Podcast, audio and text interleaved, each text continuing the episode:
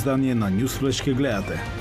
Во САД само две партии доминираат на американските избори, Демократската и Републиканската партија. Дали на победок е трета партија која ќе го разниша американскиот гласачки систем? Фон дер Лајен од Берлин, Европската унија бара поддршка за обнова на Украина. Таа од Скопје утре ја започнува турнејата низ земјите од Западен Балкан. Милиони украински ученици се враќаат во училниците и покрај воздушните сирени. Останете со нас, почнуваме веднаш. Поздрав од Вашингтон, ова е Ньюсфлеш на Гласот на Америка на македонски јазик и јас сум Јован Чономовски. Председателката на Европската комисија Урсула вон дер Лајен денес повика на поддршка за брза рехабилитација на Украина, бидејќи таа се соочува со како што ги нарече напади од страна на руските сили врз цивилната инфраструктура. Говорејќи во Берлин на конференција за обновување на Украина, фон дер Лајен рече дека Русија очигледно работи на тоа да им ги прекине на украинците услугите за вода, топлина и електрична енергија. Таа рече дека таквите руски напади се чисти акти на терор. Фон дер Лајен го опиша обемот на уништување во Украина како запрепастувачки. Ова се тешки, страшни и болни денови за украинците, но украинците ни покажа дека имаат надеж и доверба во иднината и дека ќе продолжат да се борат за тоа. Нивната иднина е таа што не носи овде денес, рече фон дер Лајен. На конференцијата учествуваат представници од националните влади, академски институции и меѓународни организации. Европската унија соопшти дека во разговорите ќе биде опфатено како да се даде приоритет на потребите на Украина и кои опции постојат за финансирање проекти. Украинската влада заедно со Европската комисија и Светската банка во септемврискиот извештај проценија дека обновата на Украина може да ги чини 350 милиарди долари по руската инвазија.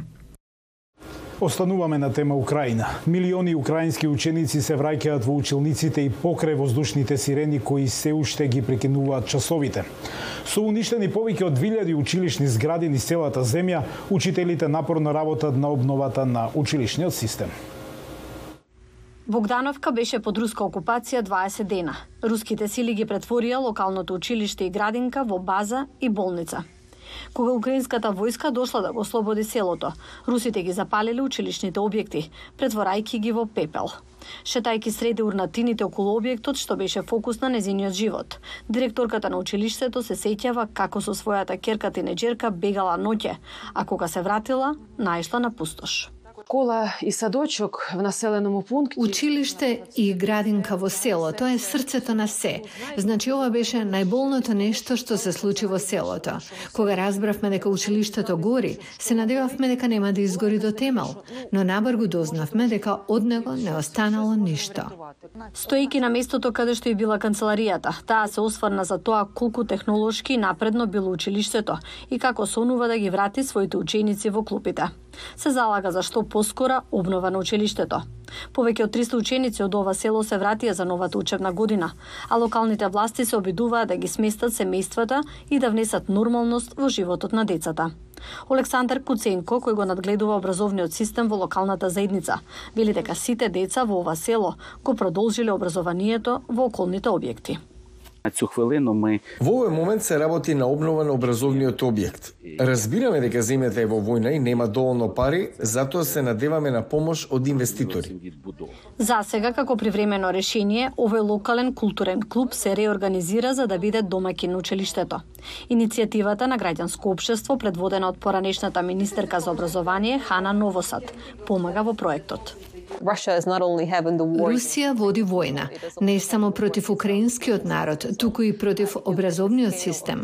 Ако ги погледнете размерите на уништувањето, тоа е огромно. И на вистина е тешко да не се забележи дека намерно ги уништуваат нашите училишта.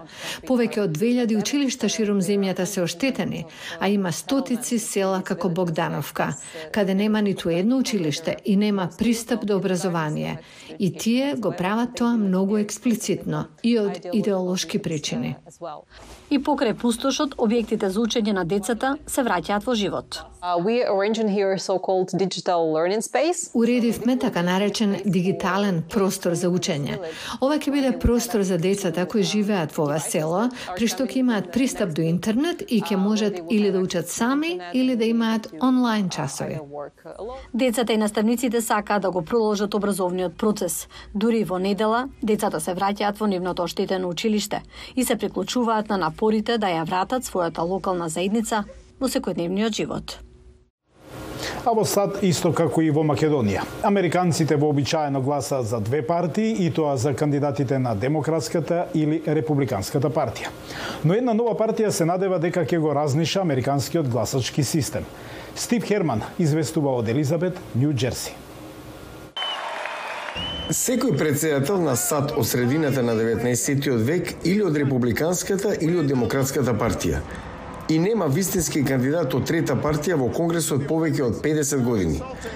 Многу од помалите партии се фокусираат на едно прашање или филозофија, и сакајќи да останат доследни на нивната кауза, не успеваат да привлечат доволно гласови за да ги изберат нивните кандидати. Според Мика Сифри, писател и активист за демократија кој напиша книга за трети партии.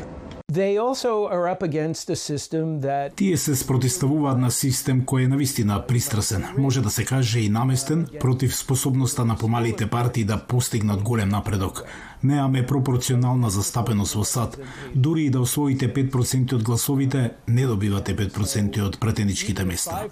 Најпостојаната трета партија во Америка е партијата за прохибиција, која има председателски кандидат на сите избори од 1872 во незиниот обид да го забрани алкохолот како пијалок. Причина за незиното постоење беше законот од 1920 до 33 кога се отвори овој бар во државата Нью Джерси. Тогаш, американците во услови на економска депресија колективно одлучија дека им треба на вистина жесток пијалак. Околу 2 милиони луѓе гласаат за кандидати од помалите партии за представничкиот дом на САД во 2020 година. 2 милиони од 120 милиони гласачи. Тоа не е значителна бројка, но може да биде важно. Во многу тесни трки неколку гласови за либертаријанската партија, зелените или партијата за прохибиција или што и да е, дефинитивно може да ги променат тие трки кога се навистина тесни. Оваа година на политичката сцена на САД влезе партијата напред – Меѓу неговите основачи, бизнисменот Ендрю Јанг, кој неуспешно мина како кандидат демократ на председателските прелиминарни избори на таа партија пред две години и повторно лани во трката за градоначалник на Њујорк. Нему во партијата напред му се придружија поранешната гувернерка на Нью Джерси Кристин Тод Витман, која беше републиканка, а која стана гласна критичарка на поранешниот председател Доналд Трамп. Треба да се промени системот. Затоа поддржуваме гласање со рангирани избори и отворени прелиминарни избори. Тоа би значило дека кандидатите на двете партии ќе мора да се надпреваруваат и да разговараат со сите, а не само со нивната база. Представувајќи се себе си како центристичка алтернатива што ќе подржи некои демократи и републиканци, или ќе учествува со своји кандидати во инаку неоспорни трки, партијата напред се залага за гласање со рангиран избор, познато како гласање во вториот круг. Во овој систем, гласовите на кандидатите со најниски резултати во прелиминарните избори се прераспределуваат на посилни кандидати. Ке биде потребно време да се прифати ваков начин. Потребно беше и време за да стасаме до точка на скршен, речиси растипан изборен систем. Нашата платформа е најдобра од сите, но луѓето за сега не реагираат на тоа. Останува да се види дали електоратот ќе реагира на нова, умерена партија во Америка, која е популаризирана од кога била уште од на граѓанската војна – а од кога републиканците и демократите почнаа својата долга доминација во политиката на САД. И со го завршуваме денешното издание на Newsflash на Гласот на Америка на македонски јазик. Јас сум Иван Чономовски од студиото во Вашингтон. Ви посакувам пријатен остаток од денот.